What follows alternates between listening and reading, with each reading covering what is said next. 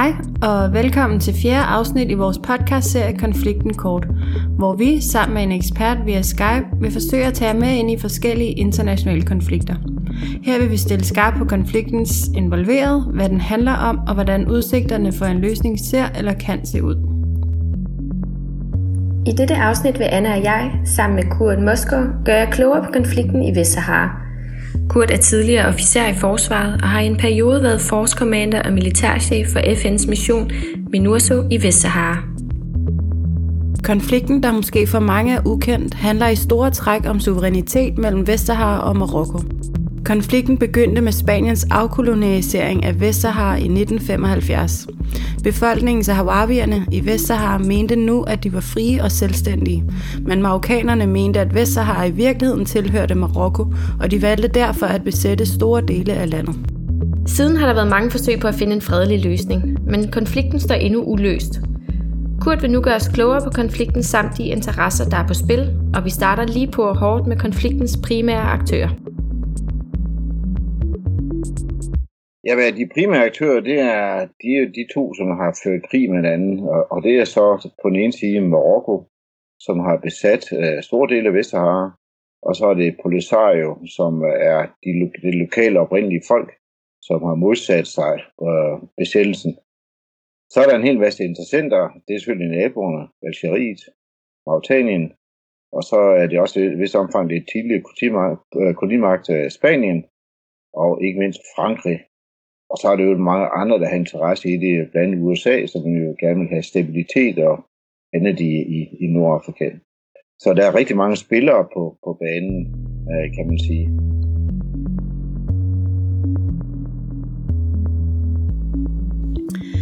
Vi har nu fået de primære aktører på plads, og Kurt vil nu fortsætte med at fortælle om den historiske optakt til konflikten.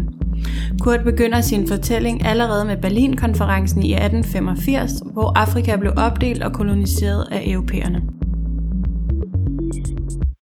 Jamen det, det opstår, fordi man jo, og nu går vi tilbage til, til jeres barndom, øh, i Berlin-konferencen i 1885, hvor man deler Afrika op. Øh, europæerne, de kigger på Afrika, og man er færdig med at slås om Amerika.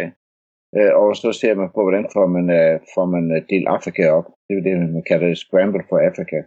Og der ser de europæiske stormagter og kigger hinanden i øjnene i Berlin, uden afrikanere, og beslutter, hvordan Afrika skal deles øh, på, på god vis mellem forskellige mennesker. Og det område her, i Vestsahara, det bliver så øh, aftalt, det skal være Spanien. Og øh, lidt nordfor, der har man så Marokko, som er ikke en koloni, men, men hører under Frankrig, øh, ligesom Algeriet øh, gør det. Og øh, det foregår sådan set ret lang tid, indtil man efter 2. verdenskrig, der presser USA på for, at øh, de her kolonier skal frigives.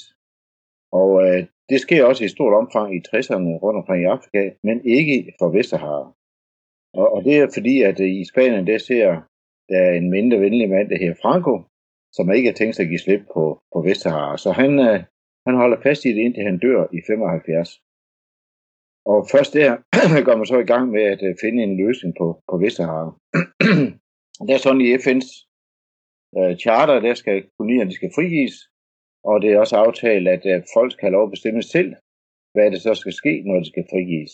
Det gælder også Grønland, kan man sige. Øh, Grønland valgte bare at blive et i Danmark, Øh, men for Vestsahara, der skulle der være en folkeafstemning, det er 75, hvor det lokale befolkning så skulle have lov at vælge, om de ville være selvstændige eller noget helt andet.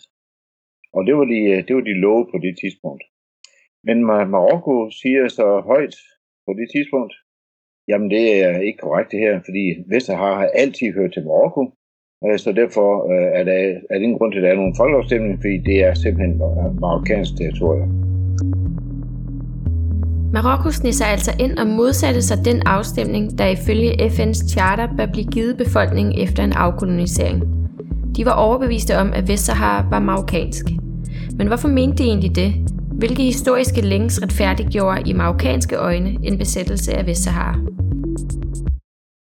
Jamen, de, de, de kigger tilbage på den gode gamle tid, hvor der var sultaner, og at de her sultaner, de havde nogle, nogle links til de her øh, øh beduiner. Grundlæggende så har Marokko en oplevelse af, at, at de her links, de historiske links, det, det er det, der skal, der, der knytter Vestsahara til Marokko. Og det var det spørgsmål, der blev drøftet og besluttet og rådgivet omkring i den internationale domstol i Haag, øh, som nåede til en øh, 3-2, hvor det var afgørelse til fordel for, at der skulle være en folkeafstemning. Øh, men, men det er stadigvæk været noget, som har været diskuteret, og som Marokko aldrig nogensinde nævner, at det har været en indsat domstol og blivet afgjort der. Øh, men øh, Marokko øh, bevarer presset og øh, presser fra Spanien så meget, at de grundlæggende rykker ind med militære styrke efter aftalen med Spanien og besætter store dele af Vestsahara, og Mauritanien sætter sig på den anden del, dag 75-76. Og der er en såkaldt Madrid-aftale med Spanien, men på grundlæggende en lovlig aftale, men en koloniherre kan ikke overdrage kolonimagt til en anden koloniherre, øh, og det bliver det ikke med lovligt af. Marokkos argument om, at historiske links knytter Vestsahara til Marokko, blev altså afvist af den internationale domstol i Haag og kunne dermed ikke forhindre en folkeafstemning i Vestsahara. Marokko anerkender ikke domstolens afgørelse, og der udbryder derfor krig. Krigen består i første omgang af tre parter. Det er nabolandet Mauritanien, Marokko og Polisario, der er Vestsaharas nationale frihedsbevægelse. Så starter der så en krig mellem Polisario øh, og øh, så Mauritanien og, øh, og Marokko. Og den krig, den, den kører frem og tilbage, kan man sige. Men Mauritanien får grundlæggende klø, og da Polisario banker på hovedstaden øh, døren i Nokshot, øh, så overgiver de sig grundlæggende og har trukket ud af konflikten lige, siden. Og Marokko besætter så den del, som Mauretanien har sat på. Så kører krigen egentlig videre øh, gennem mange år. Det er meget svært, at, at, at hvis man hører parterne, så, så er de selvfølgelig begge to helte. Øh, men, men grundlæggende så, så klarer sig sig ret godt ude i ørkenen med deres øh, ret primitive våben. Men de henter jo også, de henter jo også øh, hjælp fra Østeuropa, øh, fra Libyen, fra Cuba. Øh, så det er ty- typiske østeuropæiske og sovjetiske ting, de får støtte fra, og Marokko får omvendt støtte fra USA og Frankrig. Så det bliver meget hurtigt sådan en, en koldkrigssituation, proxykrig i, i Vestsahara. og det kører op gennem 80'erne, men Ja, der, der er ikke rigtig nogen, der kan vinde. Det, det kommer simpelthen til at at stå 1-1 øh, i, krigen. Øh, så, så er der ikke rigtig nogen løsning. Det kender alle. Og der bliver sådan en rimelig statisk linje ned igennem ørkenen, hvor cirka 4 femtedel det er under marokkansk kontrol, og resten er under Polisario. Og befolkningen er grundlæggende delt. Nogle øh, lever i det besatte område, og nogle lever i fem store flygtningelejre i Algeriet. Og så er der så de her kæmper, som, som kæmper ud i ørkenen. Og der, der slutter krigen sådan set, og, man erkender, det her, det, det fører ikke nogen steder hen. Og så bliver man så enige om en, en våbenhvile i uh, 89, 90, 91, hvor man så sender en, øh, en øh, uh, FN-styrke ind, der så skal overvåge uh, våbenhvilen. De skal også forberede den her folkeafstemning. Uh, derfor er der en hel masse civile uh, kommissorier, mennesker med, som grundlæggende skal finde ud af, hvem er det, der skal have lov at stemme. Uh, og der er parterne uenige. Øh, Polisario mener, det er det oprindelige folk, der snævert hører til området, og Marokko mener, at det er, at der er nogle flere, der skal lov at stemme, altså marokkanere, øh, som, øh, som selvfølgelig kan blive afgørende for, hvem der nu vælger som vinder for en folkeafstemning. Det var planen, det skulle vare et halvt år eller helt år, og skulle være slut i 92. Men man fortsætter med at finde ud af at arbejde på, hvem der nu skal lov at stemme, og i 99 opgiver man grundlæggende, fordi man kan ikke blive enige. På det tidspunkt der har man nogenlunde fundet ud af, hvem det skal være, men så kommer marokkanerne med 160 eller 180.000 ekstra, som de forlanger skal på listen, øh, som er selvfølgelig marokkansk stilling. Øh, så det, øh, det fører ikke nogen steder hen, og man bliver enige om, at der ikke øh, her nu skal være nogen folkeafstemning, selvom Minursos øh, titel det er virkelig en øh, mission til gennemførelse af en folkeafstemning i Vestsahara. Som Kurt fortæller, faldt Mauritanien hurtigt ud af konflikten, og efter flere år endte krigen mellem Marokko og Polisario 1-1. Man gik derfor i gang med at forberede en folkeafstemning, men parterne kunne simpelthen ikke blive enige om, hvem der skulle have retten til at stemme. Efter flere års forhandlinger opgav parterne udførslen af en folkeafstemning og gik derfor over til at løse konflikten politisk gennem en tredje part, en såkaldt personal envoy. Denne løsningsmodel har været forhåbningen siden, og der har derfor været skiftende personal envoys til at løse konflikten med varierende succes. Men ingen har dog endnu haft heldet til at løse konflikten. Øhm, så går man i gang med at finde en politisk løsning i stedet for. En forhandlingsløsning. Og øh, det er sådan, det er sådan set det, der er kørt ind til dags dato øh, ved hjælp af en såkaldt personal invoice, som er generalsekretærens øh, repræsentant, der skal forsøge at forhandle med parterne. De har skiftet undervejs. Den sidste, der havde vist held af det, det var James Baker, den tidligere amerikanske udenrigsminister. Han var en personal invoice en overgang. Han nåede frem til i 2003, det er også et par år siden, at hør engang, jeg har en, jeg har en løsning, som jeg synes, at de to parter skal tilslutte sig, og som Sikkerhedsrådet bør bakke op. Den løsning gik ud på, at han sagde, at det skulle være en folkeafstemning. Det skulle først være efter fem år. Altså ligesom ala Sydsudan, så skulle, øh, så skulle området høre under Marokko i fem år. Øh, og så skulle landet ligesom have lov at påvise, at de kunne kontrollere landet og gøre det, der nu var rigtigt. Og så skulle det så være en folkeafstemning. Og han foreslog så, at den folkeafstemning, det både skulle være saharavierne, men også de marokkanske sætler, som er kommet ind i meget, meget stort tal, de blev sendt ind med, sendt ind med busser i, i tusindvis af, af mennesker der i, i, i, øh, i starten af perioden. Øh, og de skulle også have lov at stemme. Alle dem, der har boet i området siden 79, nemlig det år, hvor Mauritanien trak sig ud. Det overvejede de to parter. Polisario sagde faktisk ja. Det kan vi godt gå med til. Og så overvejer Marokko det et års tid og sagde nej. Så gav James Baker op, og så har man så haft skiftende personal invoice øh, siden da. Den seneste, Horst Köhler, en tidligere tysk øh, præsident, øh, trak sig for et års tid siden, og man går i øjeblikket og ser på, hvem skal være den nye. Og det kan være svært, fordi begge parter skal godkende som personal invoice, så det er, det skal, han skal have den rigtige farve og have den rigtige mening, for begge parter ligesom kan, kan tilslutte sig. Og, og det står sagen nu. Det, der mangler, kan man sige, det er i forhold til de fleste andre missioner, det er, at der ikke er nogen, der overvåger menneskerettighederne. Det, det skal alle FN's nye missioner øh, øh, foretage. Det, det må man ikke i det område. Hver gang det er op til behandling i FN's Sikkerhedsråd, så, så protesterer Marokko over for Frankrig, og Frankrig tror så med at nedlægge veto, øh, og derfor er det stadigvæk ikke noget, man bliver overvåget. Hvad der ellers var behov for, fordi både Amnesty International og mange andre øh, siger i gang på gang, at der er, voldsomme overtrædelser af menneskerettighederne i, i øh, den besatte del af Vestsahara. Men vi har også behov for at kontrollere øh, hvor, menneskerettighederne i de der flygtningelejre, som vi styrte Saharavierne selv, men altså ligger på Algiers øh, territorium. Øh, så det var det er de ting, man, man arbejder med, men som man altså ikke har kunne finde nogen, nogen løsning på. De grundlæggende borgere ikke ønsker, at der er nogen, der kigger dem over skulderen.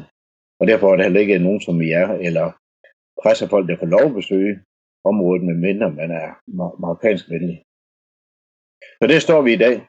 Meget uh, fastlåst position, og uh, der er mange parter, der har, har fingrene i kagedåsen, kan man sige, uh, som har interesse i det, så det er ligesom blevet uh, bundet op og er næsten uh, meget cement, eller uh, støbt cement, og meget svært at, at ændre på fordi der ikke er mange, der kender til øh, konflikten. Siden 2003 har der altså været stillstand i forhandlingerne med skiftende personal invoice, hvor denne stilling det sidste år slet ikke har været besat. Kurt fortæller her videre om den fastlåste situation, hvor der er mange interesser på spil, hvilket blandt andet kommer til udtryk gennem Frankrigs afvisning af humanitær overvågning, herunder blandt andet overvågning af menneskerettigheder. Dette resulterer i manglende mediebevågenhed og offentlig opmærksomhed på konflikten generelt. De mange interesser, der er på spil, udspringer blandt andet af områdets geografi og de ressourcer, som Vestsahara råder over. Kurt vil nu fortælle mere om, hvilket land Vestsahara er. Området er på størrelse med Storbritannien, øh, sådan omkring 200-300.000 kvadratkilometer, så nogenlunde øh, øh, 10 gange så stort som Danmark. Øh, det er mest ørken, men i den her ørken, der findes der mange mineraler, øh, blandt andet fosfat. Det er et af de store, altså når man ser på, på gødning øh, på markerne, så, så er det meget det, der kommer derfra. Det er så mange, der forsøger at stoppe, fordi man vil ikke tage ressourcer ud af et område, som ikke er, afklaret endnu. Øhm, så er der ude i havet, er der selvfølgelig en masse af fisk. Øh, og i det her fisk, det ligger jo grundlæggende i et hav mellem, mellem Vesterhavet og så de kanariske øer. Øh, og der sælger man, øh, enten fisker man selv, eller også sælger man fisken til andre nationer. Og EU øh, fisker henter blandt andet også fisker. Egentlig må man ikke gøre det, fordi øh, man må ikke, man må ikke øh, hente fisk fra et, et besat område. Øh, men Marokko har altså lykkes med stort set at, over for EU at få øh, EU til at købe marokkanske fisk og ikke øh, følge den her, den her øh, linje ned til Vestsahara. Den, den, den, den, den bliver så også fisket. Øhm, Marokko, jamen de har stor interesse i det her, så der er ingen tvivl om, hvis du spørger en, en, en, en, en øh, civil marokkaner eller en militær marokkaner, øh, øh, er Vestsahara vores, så vil de sige, at det er ikke Vestsahara, det her marokkansk Sahara, og ja, det er vores. Så der er bygget op siden 75 en, en stor fornemmelse af, at det her det er, altså, det er vores område. Der går noget national følelse i det, så det, det marokkanerne de vil opleve, det, er, det vil være stort tab at miste. Og hvis man mister det, så kunne det meget vel gå ud over styret. Øh, det øh, øh, vil sige, at kongen vil se usikkert, regeringen vil se usikkert, om Marokko kunne, kunne blive ustabilt. Og hvis man ser, hvem der var stod, der sagde i cockpiten der den 11. september, så er det et, et, et stadigvæk et land, hvor man gerne vil have rimelig meget ro. Og, og derfor har øh, lande som USA et ønske om, at stabiliteten bliver oprettet, og, og uh, det er i hvert fald nogle af de hensyn, der bliver taget, når man kigger på det med stormagtens øjne, har vi, har vi lyst til, at Marokko falder sammen uh, ved, at, at, at, at de mister Vestsahara. Så det er bare en af mange, mange uh, ting, der, der spiller ind. Jeg tror, at en af de primære aktier, det er, at vi, vi vil jo gerne uh, have ro i uh, EU, Øh, så vi følger øh, i store træk det, som EU gør. Og hvem bestemmer i EU, hvem er trækket i store linjer, det er i stort omfang af Frankrig, som har en stor interesse, som har været med til at sætte dagsordenen på det område her. Vi har ellers ikke ret mange interesser i Vestsahara, kan man sige, men, men, men alligevel har vi. Hvis, hvis, hvis nogen begynder at pille alvorligt ved, ved, ved sagen og siger, at nu skal vi have menneskerettigheder i Minurso som mandat, eller vi skal have fremtvunget en folkeafstemning, øh, så sker der typisk det, at, at, at Marokko, de, er i hvert fald det, der er almindeligt blevet sagt, at så lader de nogle, øh, nogle tusind flygtninge smutte over øh, hegnet i Søjda Manila, eller sejle over til Gran Canaria og ind i Europa. Så der kommer sådan en, en, en af de mange, mange faktorer, der spiller ind, det er, det er hvordan håndterer man flygtninge og migrantkrisen. Øh, og øh, så det er et af pressionsmidlerne, Marokko har i forhold til EU. Og, der, og der, hvis du spørger danske politikere, om de er glade for at få besøgende til Danmark, også her uden for coronakrisen, så er det ikke noget, de er voldsomt glade for. Så, så de er, støtter jo EU i, at de laver nogle aftaler med de lande, der ligger langs Middelhavet, i at de skal undgå, at der kommer flygtninge og migranter til Europa. Det var, så det var et af de elementer, der er kommet ind uh, til senere år. Som Kurt fortæller, er der altså mange interesser på spil. For Marokko er det den nationale selvforståelse og Vestsaharas ressourcer, mens det for de europæiske parter er stabilitet i Nordafrika, handel og frygten for endnu en flygtningestrøm. Men hvad er Vestsaharas interesser? Det er meget svært, for der er ingen tvivl om, der, der er et antal saharavier, som øh, gerne vil være en del af Marokko, og, og som gerne vil integrere sig, og de går på marokkanske universiteter. Øh, så man kan jo grundlæggende dele det op i måske i tre grupper. Jeg, jeg tror, når man kigger på det, dem, der bor i, i den besatte del, der er der en, øh, en, en gruppe, som men gerne vil være en del af Marokko og have det hele til at blive overstået, og så grundlæggende bare komme videre. Så er der en stor gruppe, som mener, at de skal have lov at bestemme selv og være selvstændige. Øh, og om det er 50-50 eller det, hvad delingen er, det, det, det er svært at sige. Og hvis man går til flygtningelejrene, hvor der bor et par hundrede tusind, øh, så tror jeg, at hovedparten ønsker, at de får lov at få den her folkeafstemning, og at de bliver selvstændige. Hvis du spørger Marokko, så vil de sige, at der er et overvældende flertal for, at øh, de skal være en del af Marokko, og at de kommer hjem til moderlandet. Og hvis du spørger Saharavierne, så vil de grundlæggende have en folkeafstemning. Og det er så også det, der typisk er, er spørgsmålet, det er, at Marokko kan godt acceptere en folkeafstemning, siger det selv, men kun om to spørgsmål. Det ene er, at det skal være en fuldstændig integreret del af Marokko, og det andet spørgsmål, en anden mulighed, det skal så være, det kan være en, en eller anden form for autonom provins under Marokko. Saharavierne ønsker de første to spørgsmål, de ønsker også at have mulighed for, at folk kan sætte kryds i det tre spørgsmål, nemlig selvstændighed. Det, der er faren her, det er, at især dem, der bor i lejrene, de unge mennesker, de er ved at blive trætte af, nu, nu, nu kan de se deres forældre, og der flere generationer har levet i de der lejre. Øh, nogle af dem siden 75. Øh, de er, mange af dem går på universiteter omkring i Europa, og kommer hjem til lejrene og kan ikke bruge deres uddannelse til noget som helst. De har masser af kontakter til omverdenen. De ønsker sådan set at komme videre med deres liv, og øh, den unge generation er grund at sige til, til den ældre, kan det her betale sig? Kan vi, skal vi virkelig vente på, at FN finder en løsning her, når alt er fastlåst? Skal vi ikke, skal vi ikke starte krigen igen? Hvis man fortsætter, at krigen starter, der er jo der stor pres i Marokko på, at de skal vinde resten af området tilbage. Hvorfor i alverden siger marokkanerne, skal vi acceptere, at en, en stor del af Sahara uh, er under polisario-kontrol? Øh, så, så nogen der vil også gerne have en krig. Hvis man starter en krig, så bliver det stadigvæk uden sejr øh, sejrherre. Men det er ikke en krig, som nødvendigvis bliver øh, fastholdt til Vestsahara. Det kan meget let brede sig til Marokko. Hvorfor skulle Polisario ikke angribe mål i Marokko, især militærmål? Og da de bliver støttet af Algeriet, så kan du også risikere, at, at krigen kommer til at omfatte Algeriet, øh, Marokko, Vestsahara og Mauretanien. Og så lige pludselig har du en ny nordafrikansk storkrig, Holdningerne i Vestsahara er altså delte blandt befolkningen. Fælles er dog frustrationen over den årlange fastfrysning. Kurt taler om den nye generation og frygten for måske aldrig at komme videre, og at denne frygt potentielt kan udløse endnu en voldelig konfrontation, der måske kan ende ud i en ny storkrig i Nordafrika. Som det lyder på Kurt, vokser spændingerne i konflikten mellem parternes nye generationer, og vi undrer os derfor over, hvorfor konflikten bliver ved med at flyve under den internationale radar. Jamen, jeg, for det første har amerikanerne været meget, meget dygtige til at sørge for, at pressen ikke kan følge med i, hvad der foregår. Øh, jeg har jo mødt mange unge mennesker, som er på vej til Vestsahara under dække af at være turister, øh, både fra Norge og fra Danmark. Øh, journalister, som er taget sted under dække, og som er blevet fanget og sendt ud igen. Øh, så de er, de er, man er meget dygtig til at øh, have sådan et, et presseforbud, øh, uh, øh, som ikke øh, kan, øh, der ikke er nogen øh, åben information omkring situationen i Vestsahara. Øh, det andet er, at Marokko har selvfølgelig en, en klar interesse i, at uh, der ikke er nogen, der oplever et problem. Uh, så de forsøger jo grundlæggende, at, at, at tingene ikke kommer frem. Fordi de nu tror på, at det er deres land, og de, de kæmper, fordi de nu tror, at, at det er rigtigt. Men så er, må, jeg, må jeg bange for at sige, at det der er årsagen til, at der ikke sker noget som helst, det er, det er fordi der mangler en krig. Der mangler simpelthen nogle lige på bordet. Uh, der mangler en, et flygtningekatastrofe, som forsøger at øh, komme væk fra det område her, fordi der er krig, øh, så vågner, så vågner indsatssamfundet op.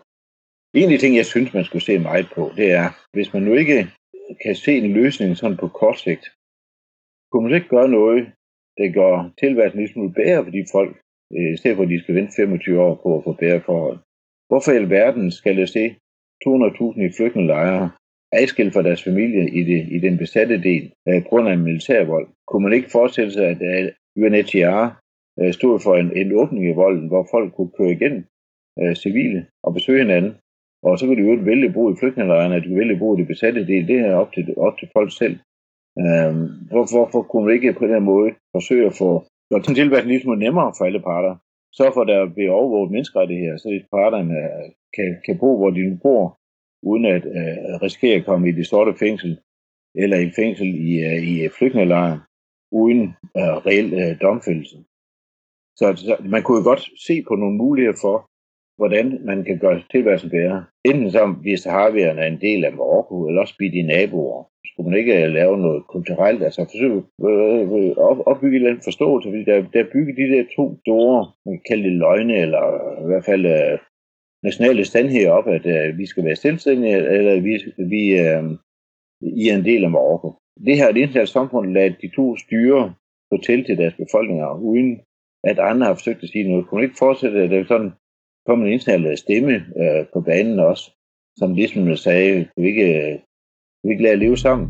Som Kurt beskriver, er Marokko altså gode til at holde konflikten i skyggen. Noget, der måske er med til at fastholde konflikten i dette vakuum. Kurt foreslår derfor, at det vil være optimalt at begynde at se på, hvordan man kan gøre livet lettere og mere tåligt for de civile, der bor i Vestsahara, for på den måde også at imødekomme en mere åben og samarbejdsvillig befolkning for en eventuel sammenlægning, eller om ikke andet, for et fortsat naboskab mellem Vestsahara og Marokko. Og hvad så med Danmark, tænker vi? Hvorfor er konflikten vigtig for et lille land som Danmark, og hvad kan vi gøre, og hvad bør vi gøre? Danmark går efter at komme i Sikkerhedsrådet om et par år. Så man kan jo starte med Sikkerhedsrådet at stille et forslag om fra den side, når nu vi i familien går i Sikkerhedsrådet med, lettere med, med, med forklaringer over for den danske befolkning, at vi bruger ressourcer for det her, fordi vi gerne vil støtte op omkring menneskerettighed i hele verden. Så kunne vi starte med at foreslå, at Minurso får det som et mandat. Og så kan det godt være, at der kommer en, en rasende omringning fra en marokkansk udenrigsminister til en dansk lige efter, men det er så der, hvor vi skal stå fast. Man skal lave en aftale med Norge og Sverige, så vi står helt alene presse på over for EU for at finde den rigtige løsning, og ikke den, den løsning, som er bedst øh, økonomisk i morgen, men den er, den er en langsigtet løsning for, for verden. Og jeg synes, som lille nation, så har vi, så har vi en interesse i international ret, at det vi forfølger. For ellers er det også udover næste gang.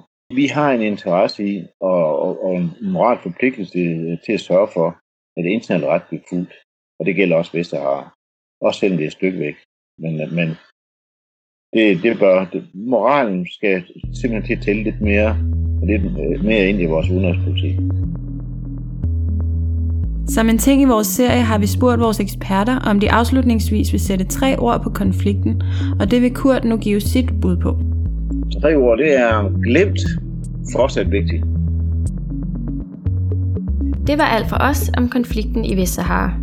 Vi håber, at I synes, det var spændende, og at I er blevet en smule klogere på den fastlåste konflikt, som har varet siden 1975.